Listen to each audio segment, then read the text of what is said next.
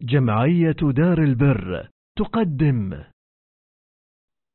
إن الحمد لله نحمده ونستعينه ونستغفره ونعوذ بالله من شرور أنفسنا وسيئات أعمالنا. من يهديه الله فلا مضل له من يضلل فلا هادي له.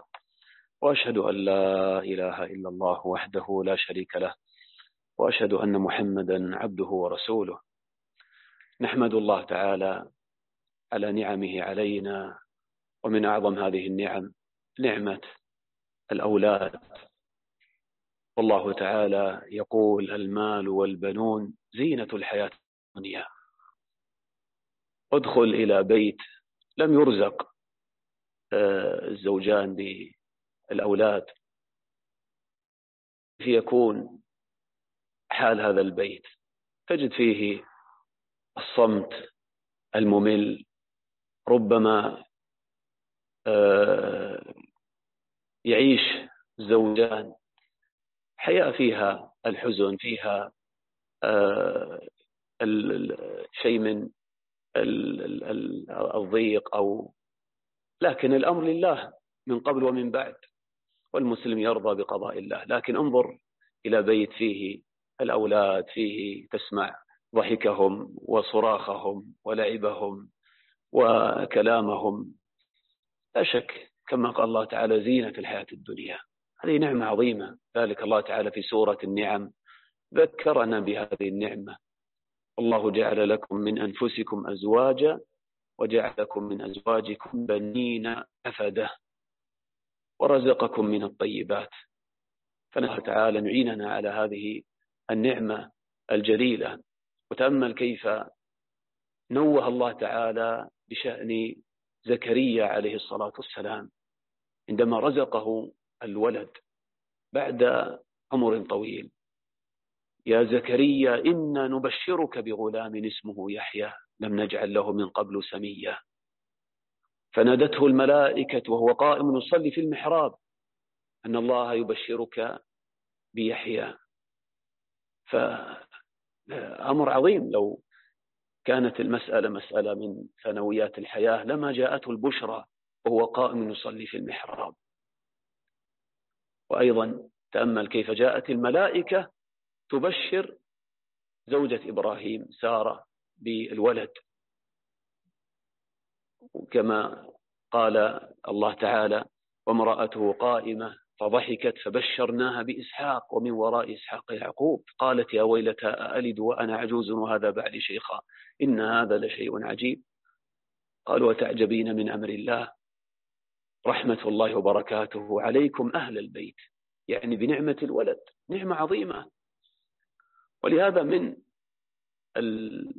النماذج النبوية أو من الأحاديث النبوية في تعظيم هذه النعمة.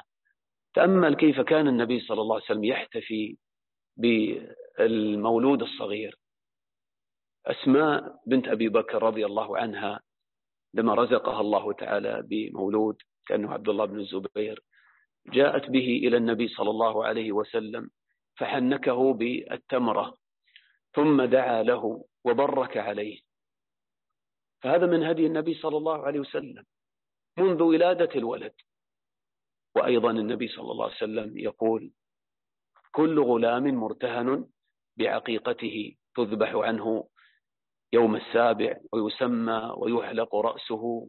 كل هذا من الاعتناء بهذه النعمة نعمة الولد. وهذا الهدي النبوي الكريم له أثره العظيم. هذا الدعاء للولد منذ بداية عمره. لا تدري دعوة متقبلة يصلح الله تعالى بها حال الولد. ولهذا معاوية بن قرة آه، لما رزق بإياس دعا أصحاب النبي صلى الله عليه وسلم وأكلوا من طعامه ثم بعد أن فرغوا من الطعام قال أنا أدعو وأمن على دعائي. فجعل يدعو لولده في دينه وعقله وكذا وكذا. قال فلما كبر إياس بن معاوية كان من العلماء الصالحين. قال فلا زلت أرى أثر هذا الدعاء في ولدي إياس. فهذا الدعاء له بركة عظيمة. وهكذا هدي النبي صلى الله عليه وسلم مع الصبيان مع الصغار. والنبي صلى الله عليه وسلم أرشدنا إلى عظم الأمر. فالأولاد نعمة عظيمة وفي الوقت نفسه مسؤولية جسيمة. النبي صلى الله عليه وسلم يقول كلكم راع وكلكم مسؤول عن رعيته. قال والزوج في بيته راع وهو مسؤول عن رعيته والمرأة في بيتها راعية وهي مسؤولة عن رعيتها. فالمسألة بين الزوجين. الله تعالى يقول يا أيها الذين آمنوا قوا أنفسكم وأهليكم نارا وقودها الناس والحجارة. علي ملائكة غلاظ شداد. لا يعصون الله ما أمرهم ويفعلون ما يؤمرون. قوا أنفسكم وأهليكم نارا. قال علي رضي الله عنه أدبوهم وعلموهم. فمعنى تربية الأولاد أن تأخذ بأيديهم إلى الجنة. ومعنى إهمال الأولاد وعدم تربيتهم كأنك والعياذ بالله تلقيهم في النار. الأمر خطير جدا. فليست التربية من باب الكماليات أو الثانويات بل هي من الأساسيات في دين الإسلام ومن الواجبات المحتمات على المسلم والمسلمة. تأمل في حرص الأنبياء عليهم الصلاة والسلام على الذرية والأولاد حتى في آخر رمق في الحياة. ووصى بها إبراهيم بنيه ويعقوب يا بني إن الله اصطفى لكم الدين فلا تموتن إلا وأنتم مسلمون. أم كنتم شهداء إذ حضر يعقوب الموت؟ إذ قال لبنيه ما تعبدون من بعدي. في آخر رمق يوصي أولاده بالتمسك بالدين. التمسك بالتوحيد. ما تعبدون من بعدي؟ قالوا نعبد إلهك وإله آبائك إبراهيم وإسماعيل وإسحاق إلها واحدا ونحن له مسلمون. فالتربية إذن أمرها عظيم. وهؤلاء الأولاد غدا يكبرون ويصلح الله تعالى بهم حال الأمة. ولذلك رأى آه، بعض المحدثين الصبيان مع الإمام الأعمش رحمه الله من أئمة الحديث فكأنه ازدرى هذا الأمر. قال هؤلاء الصبيان من حولك. والإمام الأعمش من كبار علماء الحديث من رواة الحديث. فقال له اسكت هؤلاء يحفظون عليك أمر دينك. غدا هؤلاء هؤلاء يتعلمون القرآن يحفظون السنة يتعلمون الدين وغدا يكونون أئمة بإذن الله. فإذا الأمر عظيم. وهذه خير تجارة كما سمعنا الحديث. النبي صلى الله عليه وسلم يقول إذا مات ابن آدم انقطع عمله إلا من ثلاث.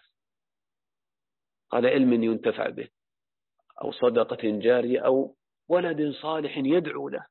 هذا الولد الصالح كم يكون له من البركة على أبويه.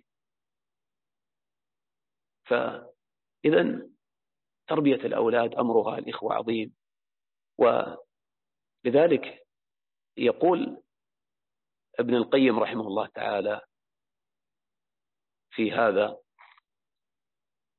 وكم ممن أشقى ولده وفلذة كبده في الدنيا والآخرة بإهماله وترك تأديبه وإعانته على شهواته. وزعم أنه يكرمه وقد أهانه وأنه يرحمه وقد ظلمه. ففاته انتفاعه بولده وفوت عليه حظه في الدنيا والآخرة. هذا بإهمال التربية. ويظن أنه يرحم ولده عندما يسرف عليه في أمور الدنيا ويعطيه كل ما يريد من ألعاب وملاهي ويشب الولد على هذا ويظن أنه يكرمه وهو في الحقيقة يهينه ويظلمه. ثم قال وإذا اعتبرت الفساد في الأولاد وجدت عامته من قبل الآباء. والله المستعان. كما ذكر بعض العلماء أن آه، الأب اشتكى ذات يوم من عقوق ولده فقال له ولده يا أبتي عققتني وأنا صغير فعققتك في حال كبري. يعني ما ربيتني على الصلاح والتقوى فهذه ثمرة ما جنت يداك. فلذلك الإخوة الأمر في غاية الأهمية والتربية أمرها عظيم جدا آه، والنبي صلى الله عليه وسلم ذكرنا أن الوالدين من أعظم أسباب التأثير في هذا الولد وتغييره. قال النبي صلى الله عليه وسلم كل مولود يولد على الفطرة. فأبواه يهودانه أو ينصرانه أو يمجسانه. انظر إلى أثر الوالدين.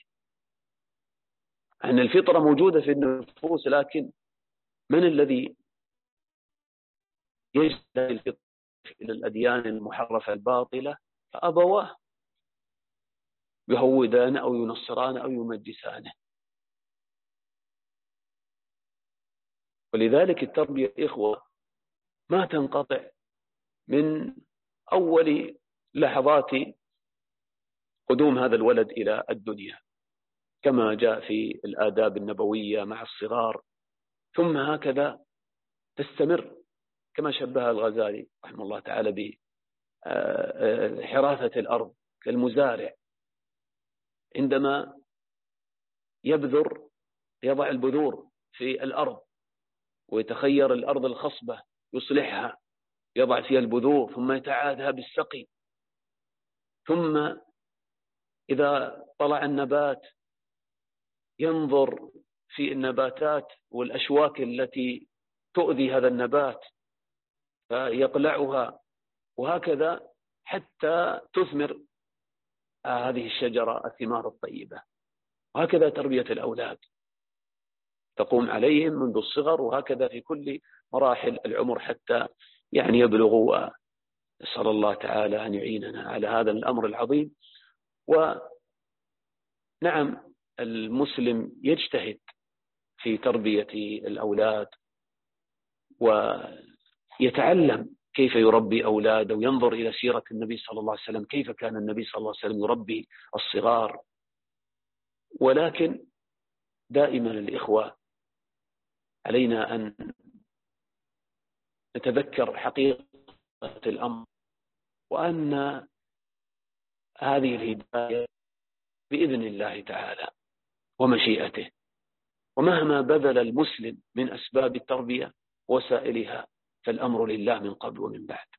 فهذا نبي الله نوح عليه الصلاة والسلام. نوح الذي دعا قومه ألف سنة إلا خمسين عاما ما استطاع أن يهدي ولده.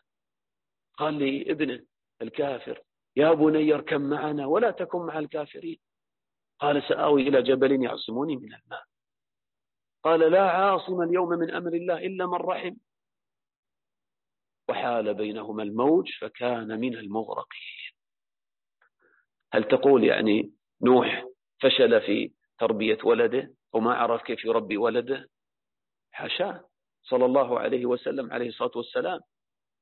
لكن الأمر لله من قبل ومن بعد.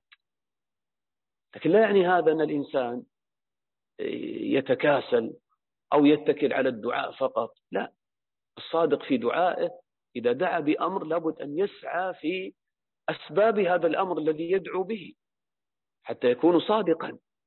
إياك نعبد وإياك نستعين. فتبذل ما تستطيع. ونحن كان نعيش في زمن الطوفان. لا عاصم اليوم من أمر الله إلا من رحم. التربية الإخوة في زماننا هذا آه، أصبحت أصعب والأمر أصبح أخطر مما كان من قبل. لأن الدنيا كما ترون فتحت على الناس على الصغار على الكبار.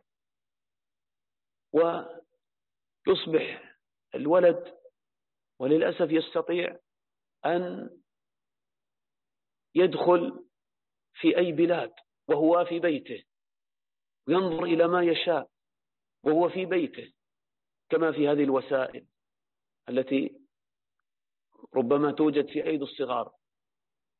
والله المستعان.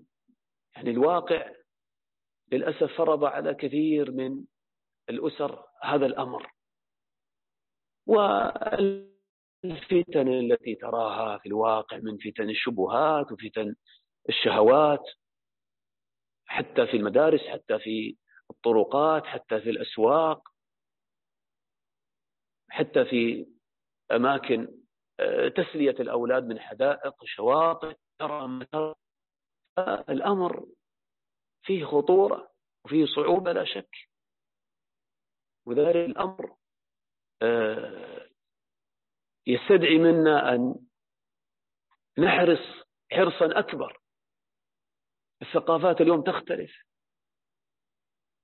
ممكن في الزمن الماضي يعني البنت ترى أمها والنساء يتحجبن ربما ما ترى امرأة متبرجة في المجتمع.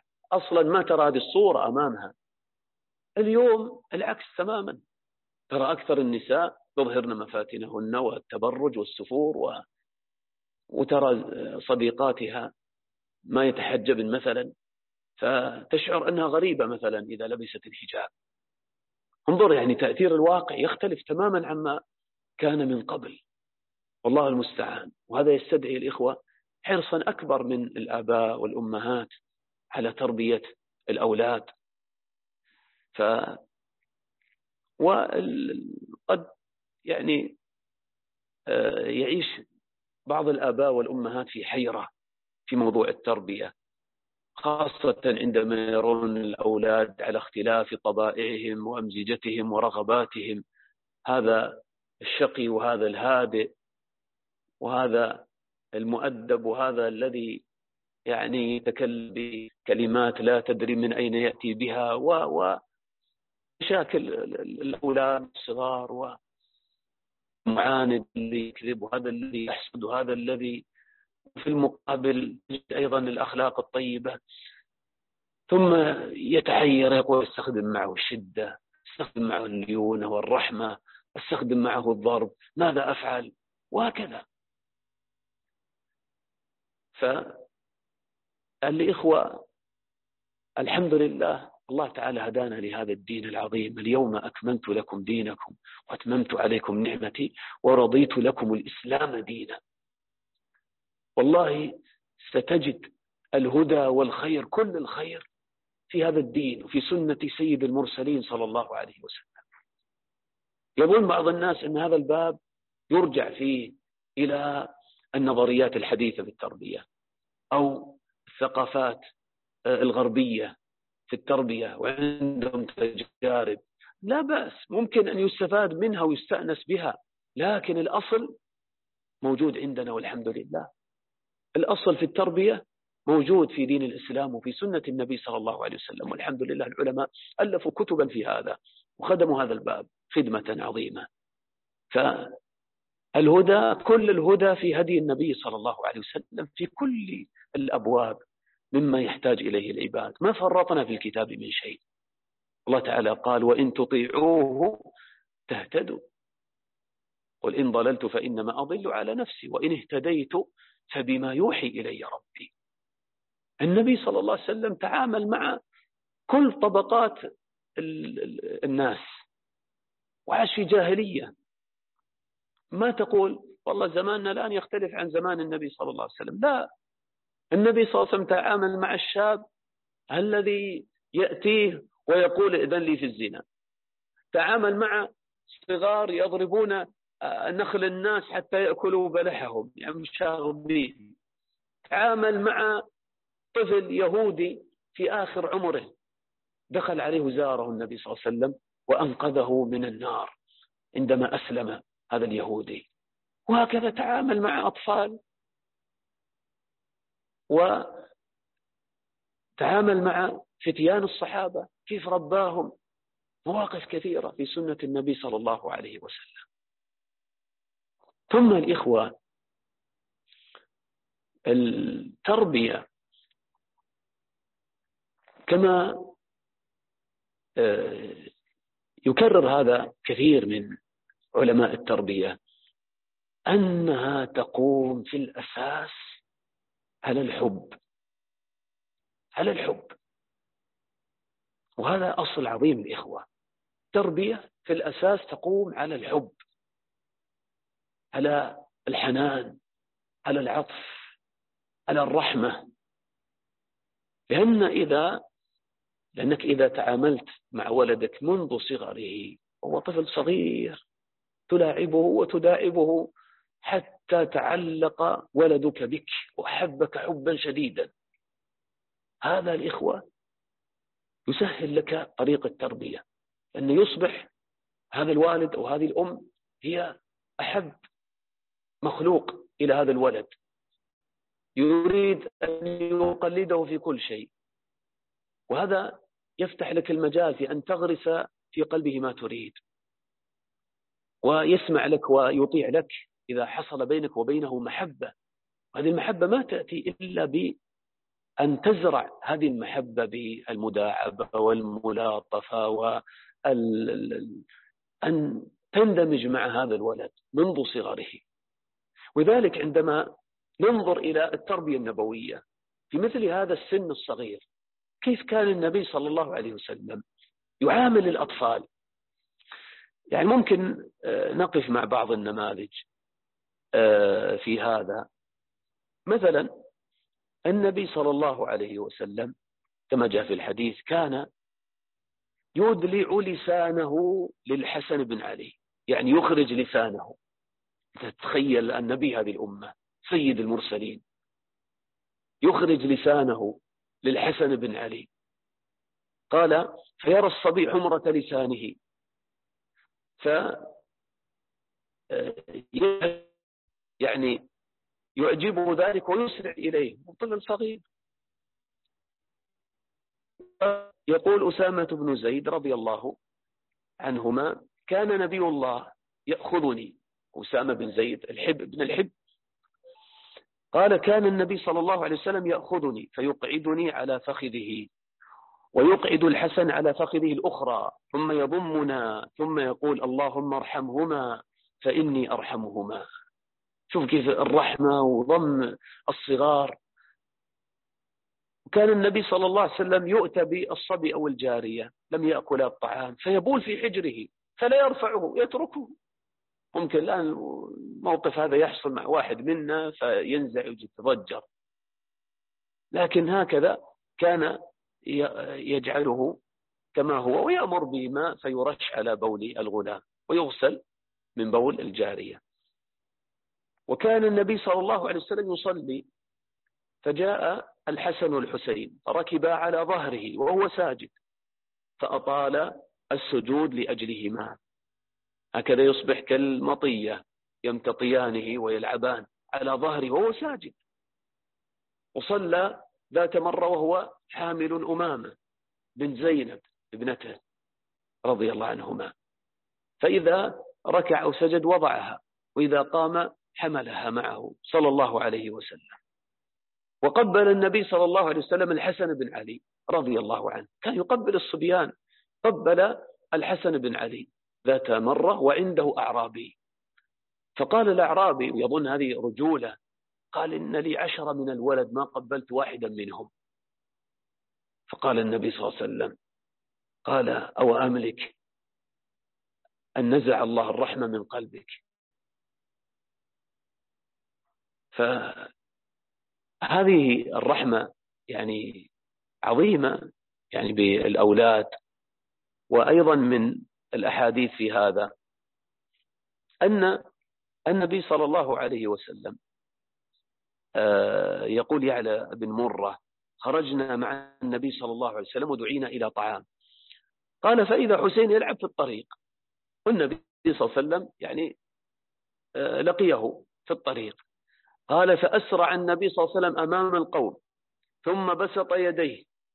يلاعب الصبي يريد أن يمسكه. قال فجعل الغلام يفر ها هنا وها هنا.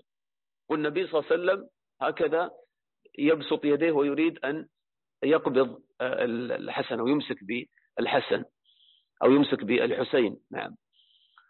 قال فجعل الغلام يفرها هنا وها هنا ويضاحكه النبي صلى الله عليه وسلم حتى أخذه فجعل إحدى يديه في ذقنه والأخرى في رأسه ثم اعتنقه ثم قال النبي صلى الله عليه وسلم حسين مني وأنا من حسين أحب الله من أحب حسينا الحسين سبط من الأسباط.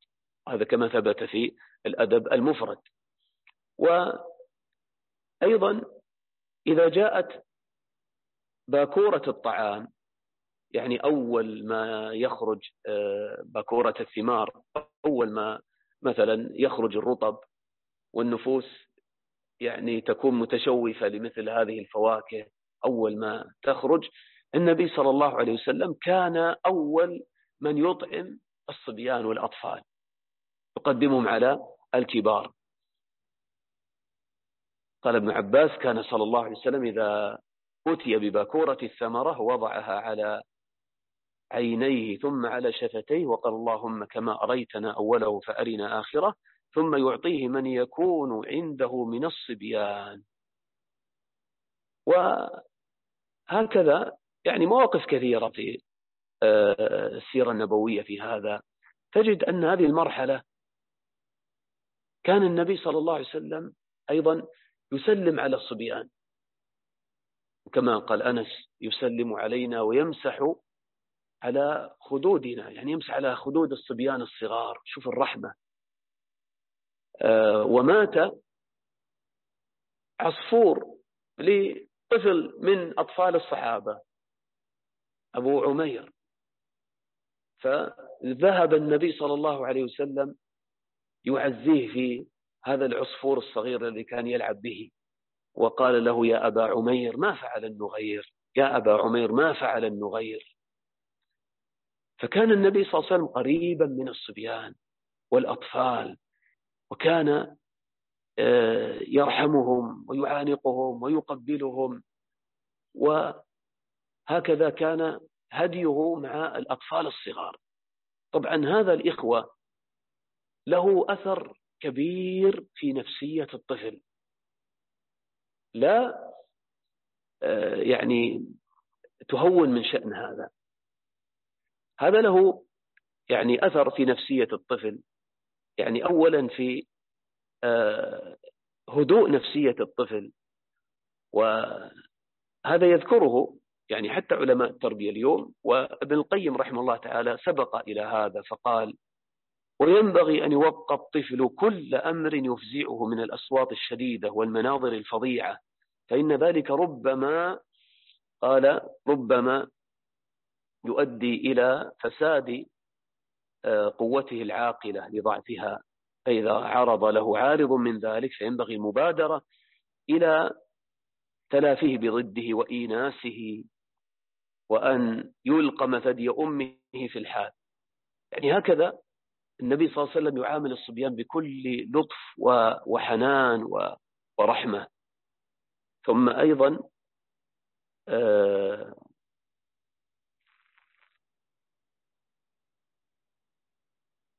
هذا الإخوة يعني هذه المعاملة في الحقيقة تمهيد لأعظم وسيلة من وسائل التربية وهي القدوة الحسنة. فالطفل في بداية نشأته هذا العمر الإخوة من أول ما ينشأ عمره سنتين ثلاث سنوات هنا تبدأ المراحل الأولى وهي من أخطر المراحل. وللأسف نحن للأسف لجهلنا وجهل كثير من الآباء والأمهات. يقول لك الطفل صغير اتركه يفعل ما يشاء.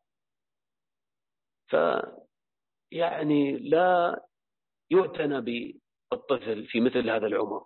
فينظر ما يشاء ويفعل ما يشاء ويلعب بما يشاء ويهمل هكذا في هذه السنوات الأولى.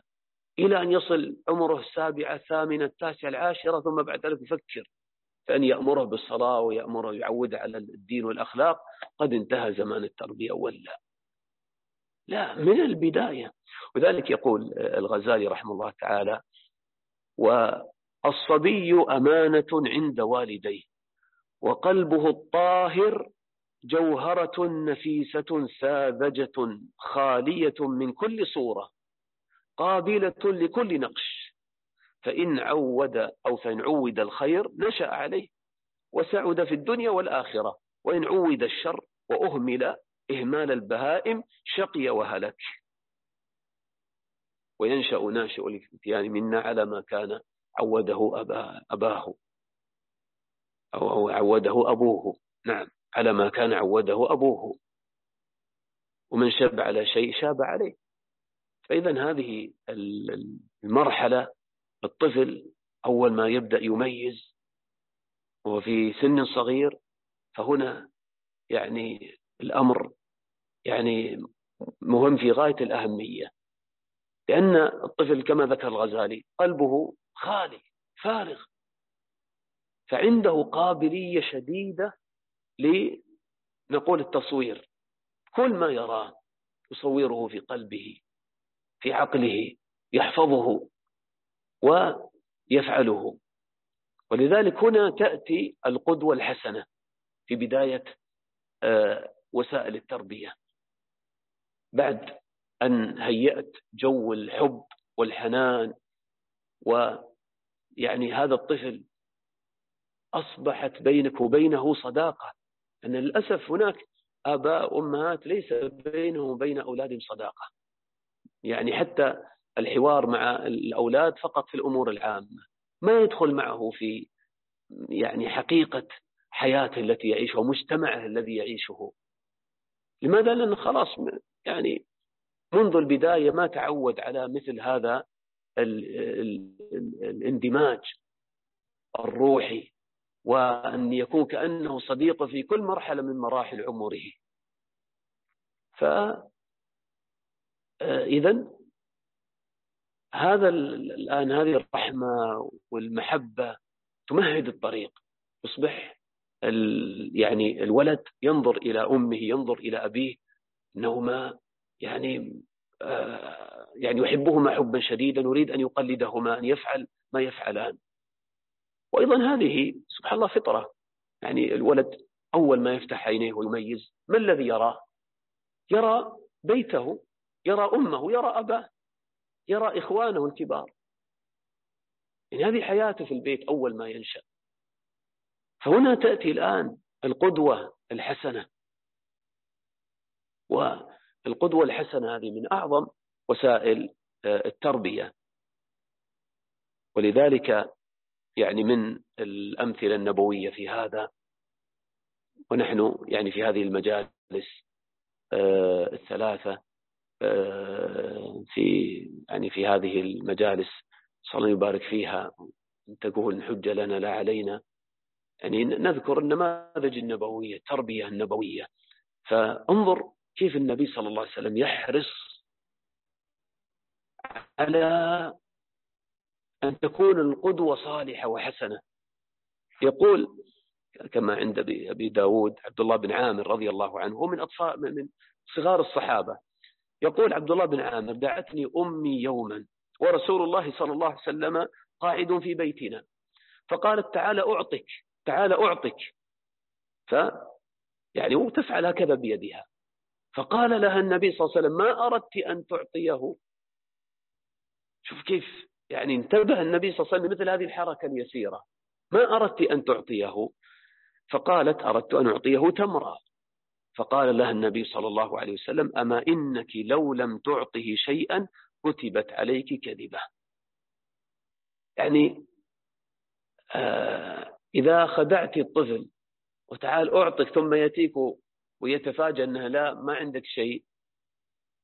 أنت ممكن ما تنتبه لمثل هذا التعامل لكن تخيل يتكرر هذا التعامل مع الولد الذي يفهم.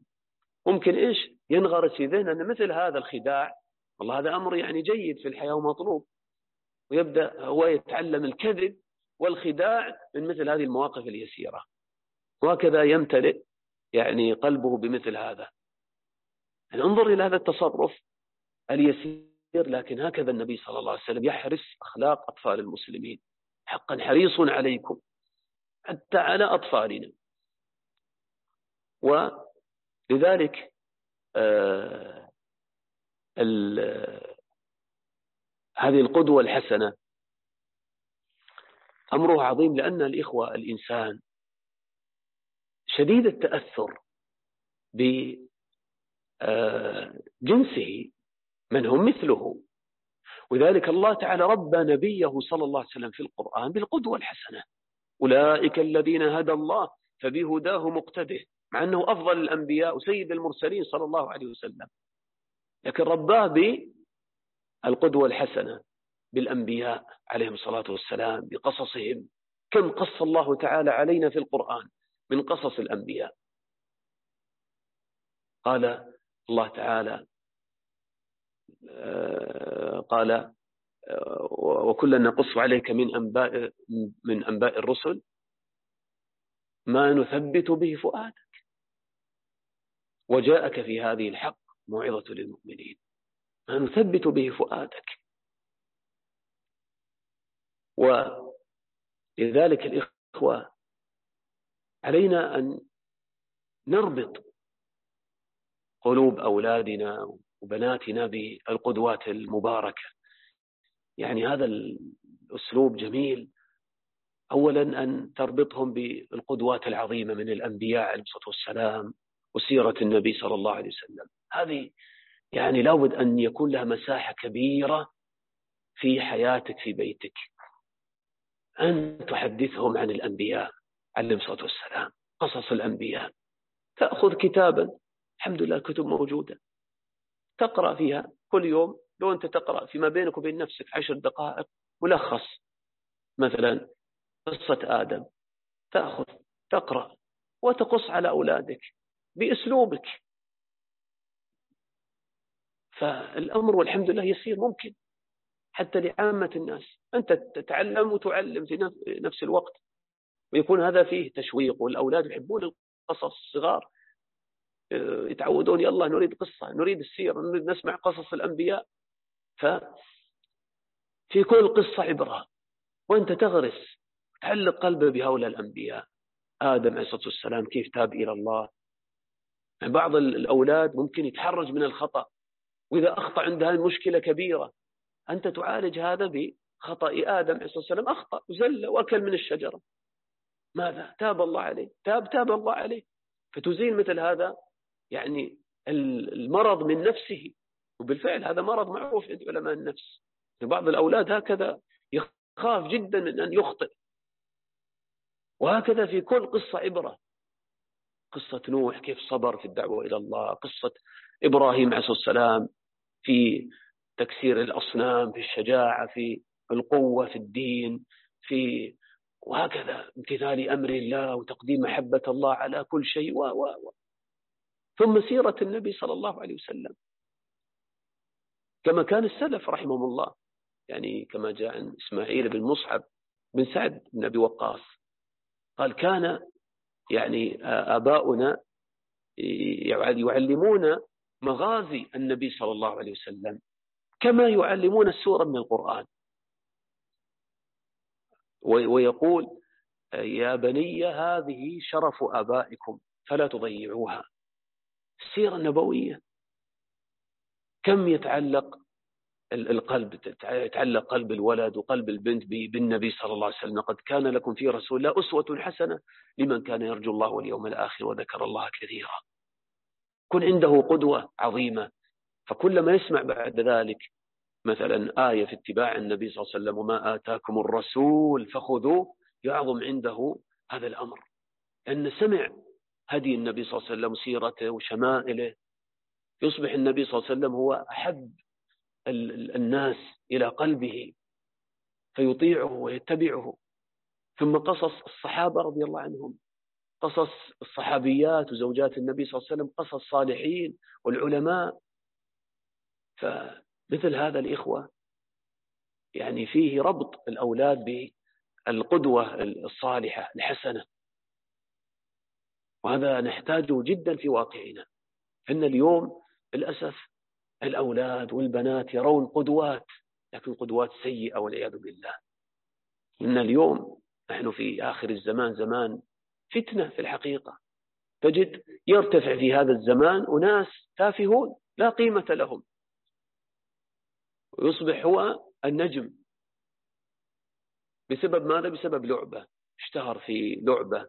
في كرة قدم أو في تمثيل أو في غناء في طرب في له. ويصبح هو النجم. فتجد للأسف هذا موجود عند أولادنا الله يعفو عنا. يعرف أسماء اللاعبين يعرف آه، كم آه، ثمن هذا اللاعب كم يباع وكم يشترى وتفاصيل حياته.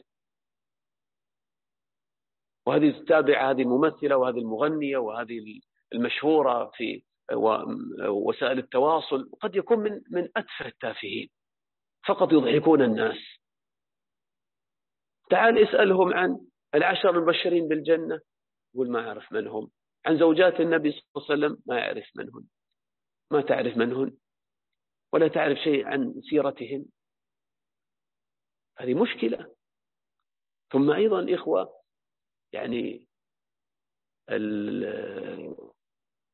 الوالدان إذا انصلحا وهذه يعني أقرب قدوة للأولاد. نعم تقول يعني صحيح القصص مطلوبة وكذا لكن أيضا هو يريد أن يرى قدوة بعينه.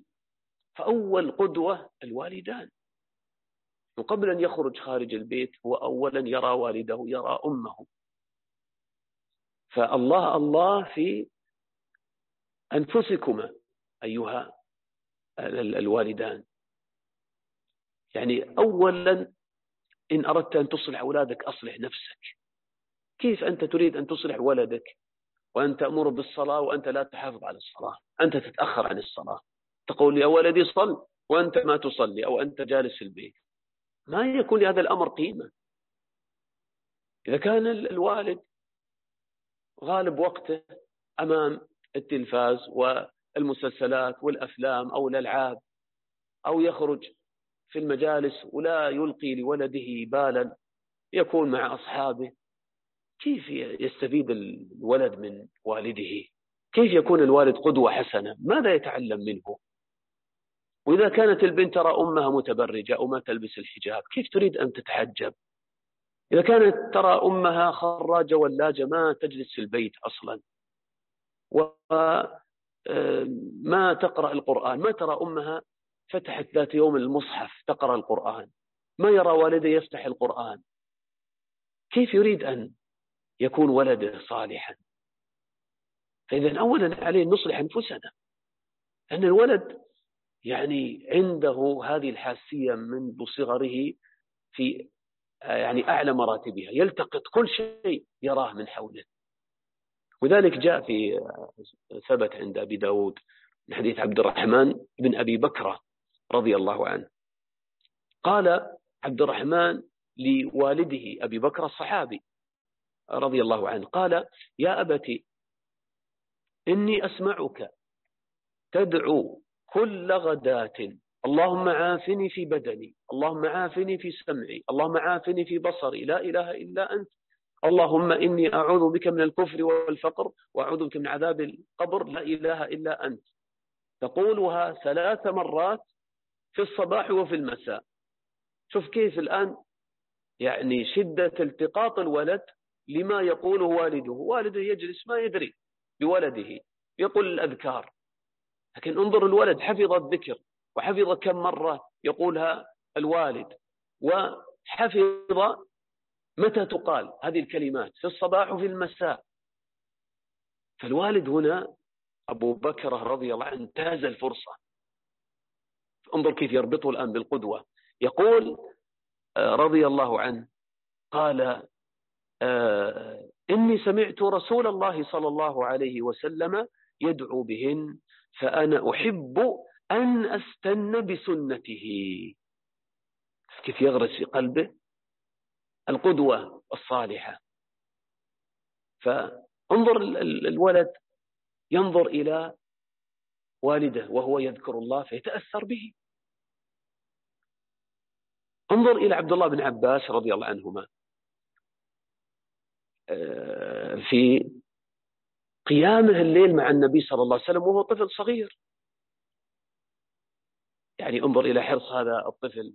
استأذن خالته ميمونة أن يبيت عندها ليلة مع النبي صلى الله عليه وسلم. ف آه، يعني طلبت من النبي صلى الله عليه وسلم ذلك فالنبي صلى الله عليه وسلم طبعا يرحب بهذا.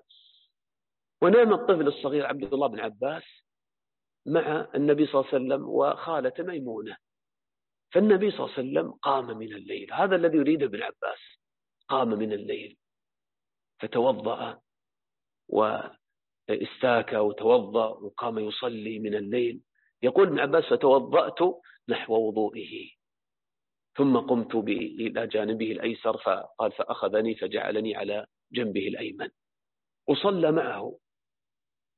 انظر الآن مثل هذه القدوة. شوف كيف النبي صلى الله عليه وسلم كان يقرب إليه مثل هؤلاء الصحابة رضي الله عنهم والصغار لأنهم يتعلمون منه عمليا.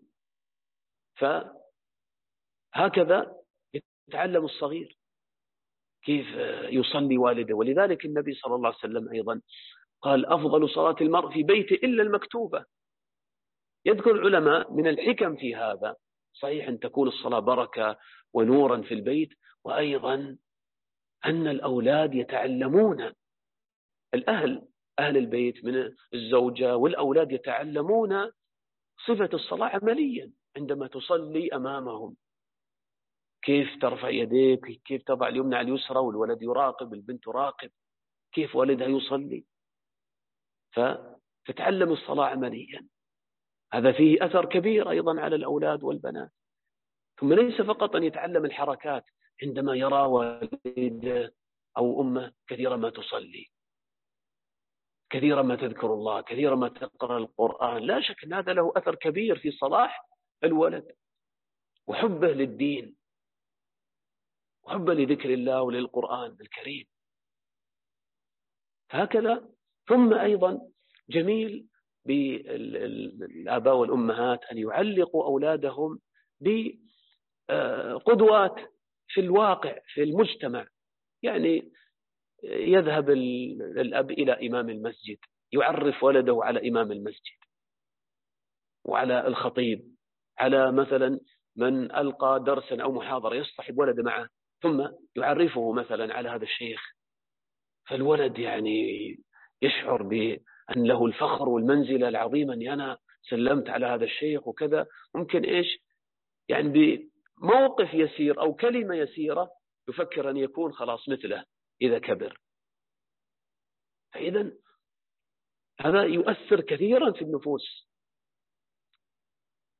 فعلينا الإخوة أن يعني نحرص على مثل هذا.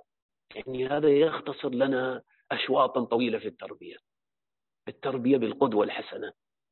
ثم أيضا هذا الصلاح يعني له بركة على الأولاد وعلى أهل البيت. صحيح؟ يعني بهذا الصلاح بهذه القدوة الحسنة هم يتعلمون ويقلدون لكن أيضا الصلاح في ذاته له بركة على الأولاد. لذلك آه الله تعالى حفظ لليتيمين كنزهما بماذا؟ بصلاح أبيهما. وأما الجدار فكان لغلامين يتيمين في المدينة وكان تحته كنز لهما وكان أبوهما صالحا. وكان أبوهما صالحا.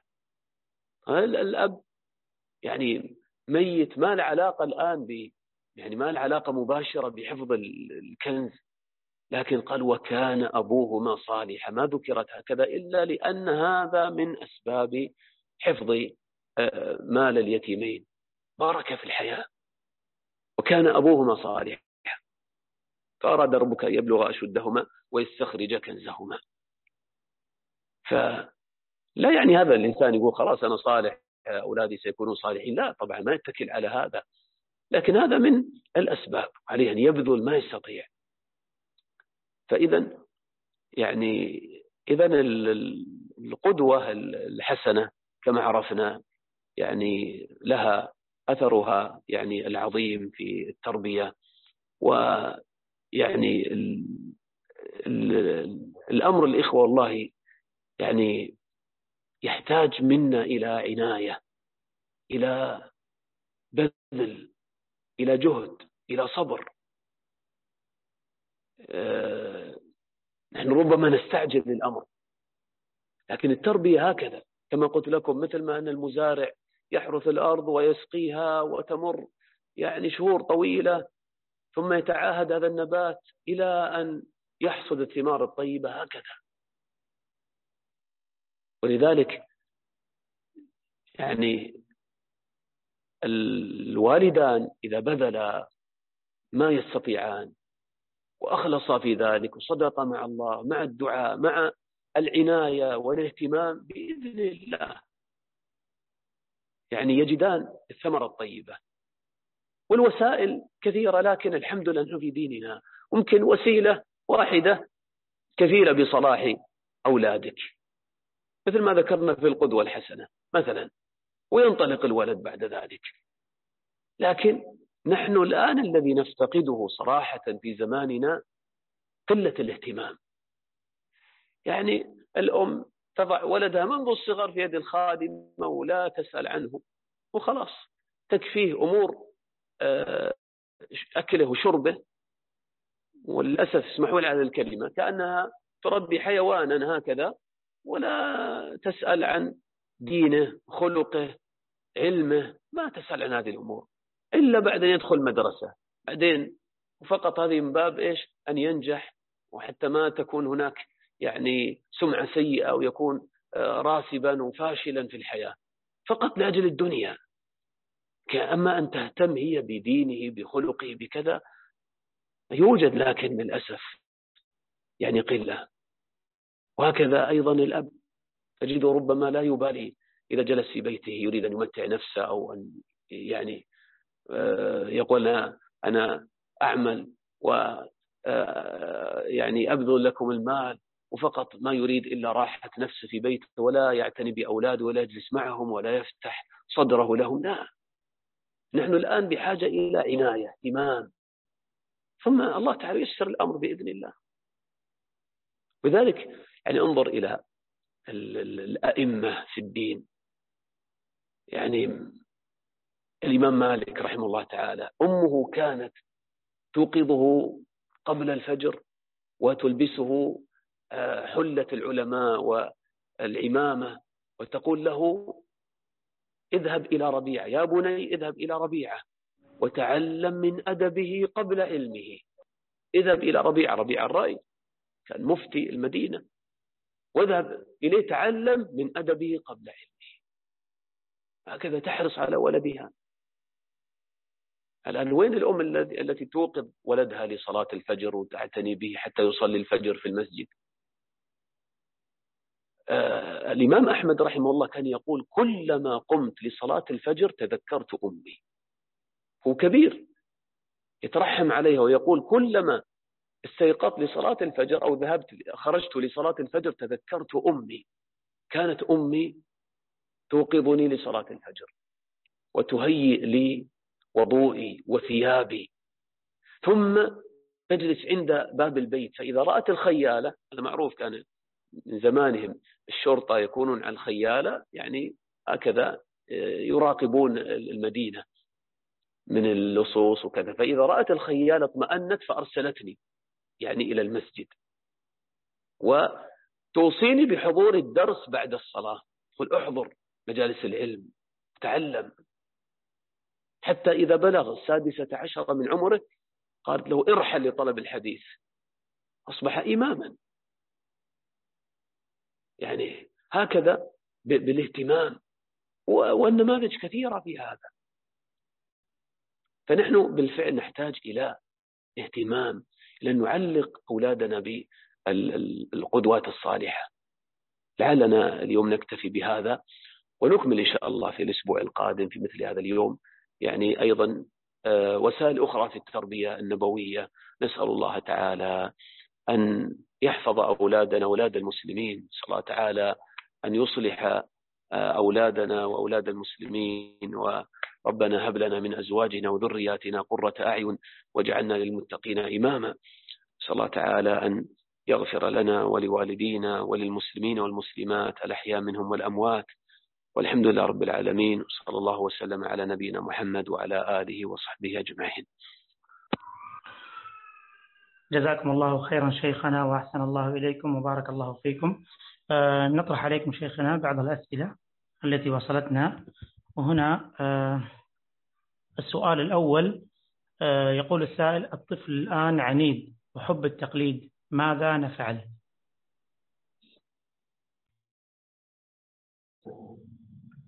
ويسأل يقول الطفل عنيد ويحب تقليد. تقليد. نعم. الله المستعان.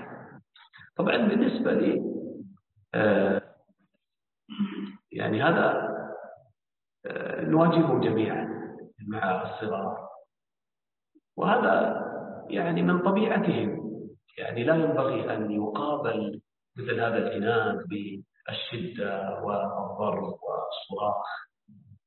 وإنما يعني أنت تكون حكيما رحيما في التعامل مع هذا الطفل العنيد فإذا مثلا أصر على رأيه في شيء فأنت بابتسامة تقول له ترى هذا الأمر.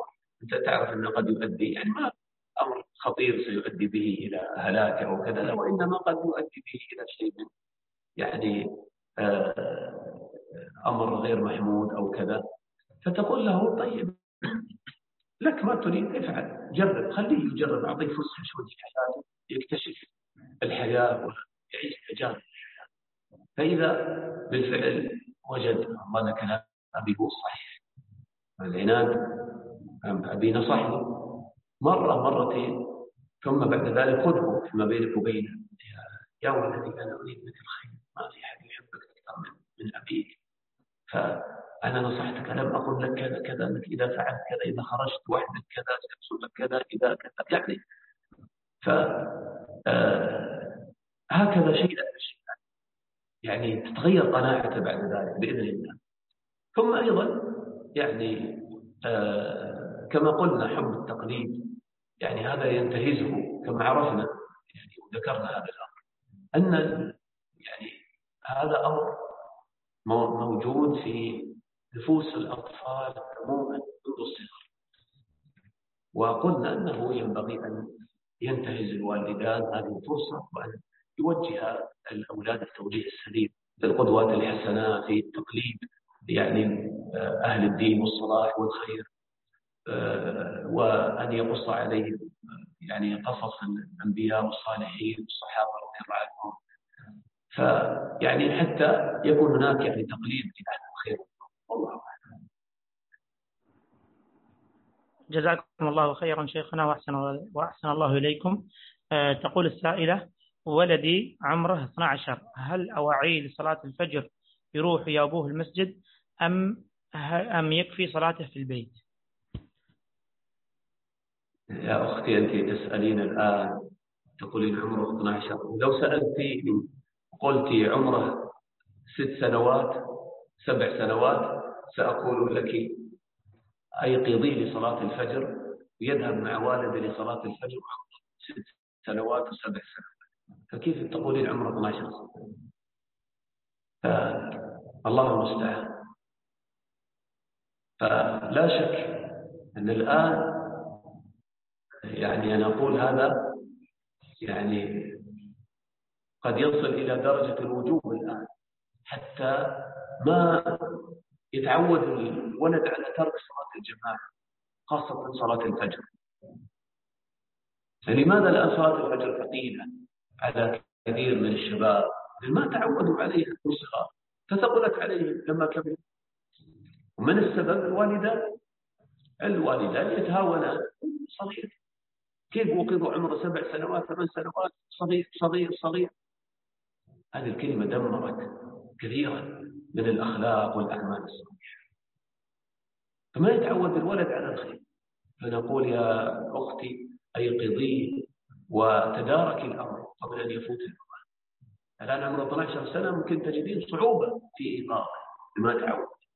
لكن ما عليه. يأتي هذا بالترغيب اجلسي معه وذكريه. لو تقرأين مثلا من آه، بعض الكتب في أحاديث النبي صلى الله عليه وسلم فضل صلاة الفجر في الجماعة يعني تجعلين في قلبه الحماس والهمة ثم يعني يلزم بهذا حتى إذا حصل من شيء من الإناد ومن يعني يعني التكاسل لا بد أن يوقع بالقوة يوقع. ترشين في وجه الماء يأتي والده ويوقظه يسحبه من الفراش ويجعله يتوضأ ويأخذه إلى المسجد.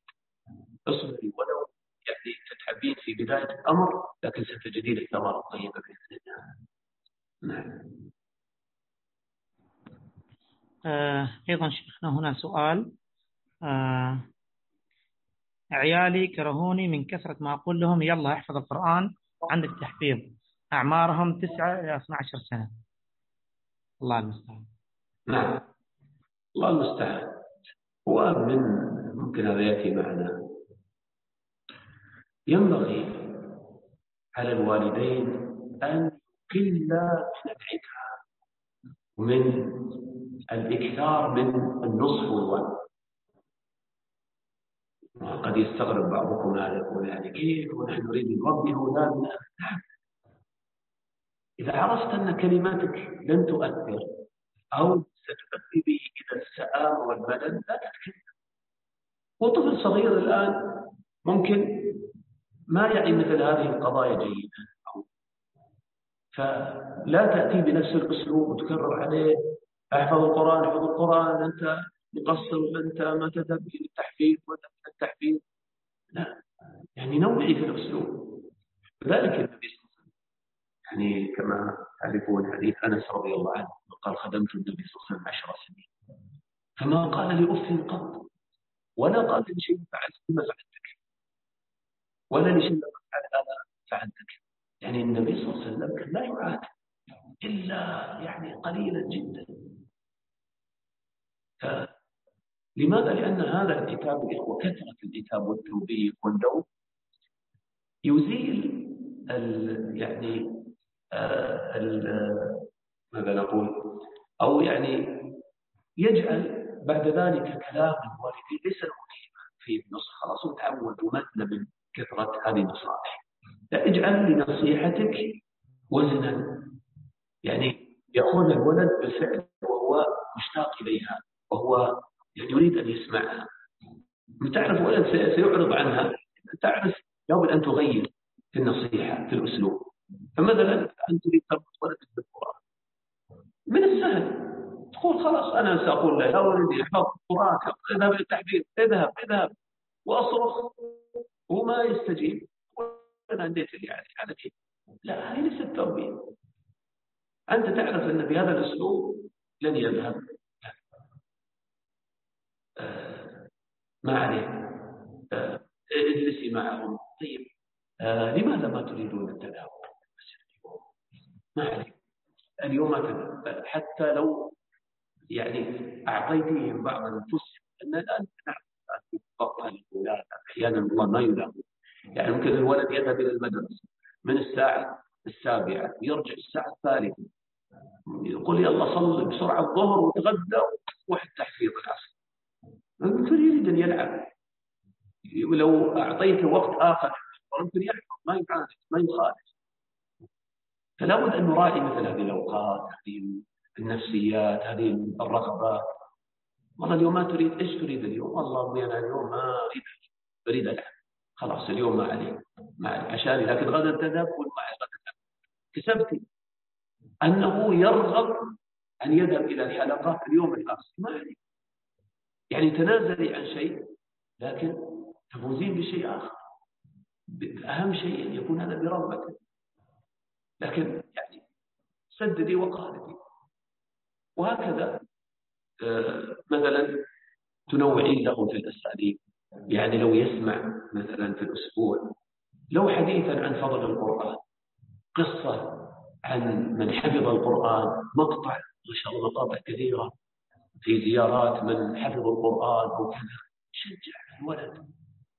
وهكذا يعني بتنويع الأساليب إن شاء الله مع والله اليوم ما ذهب طيب إيش رأيك اليوم؟ تسمع عندي. فيشوف المساله سهله طيب وهكذا مع التنويع. إن شاء الله يعني يستمروا في هذا الخير العظيم. آه، جزاكم الله خيرا شيخنا. آه، نأخذ السؤال الأخير. صراحة أسئلة كثيرة خاصة في هذا الموضوع. الله المستعان. آه، هنا سؤال.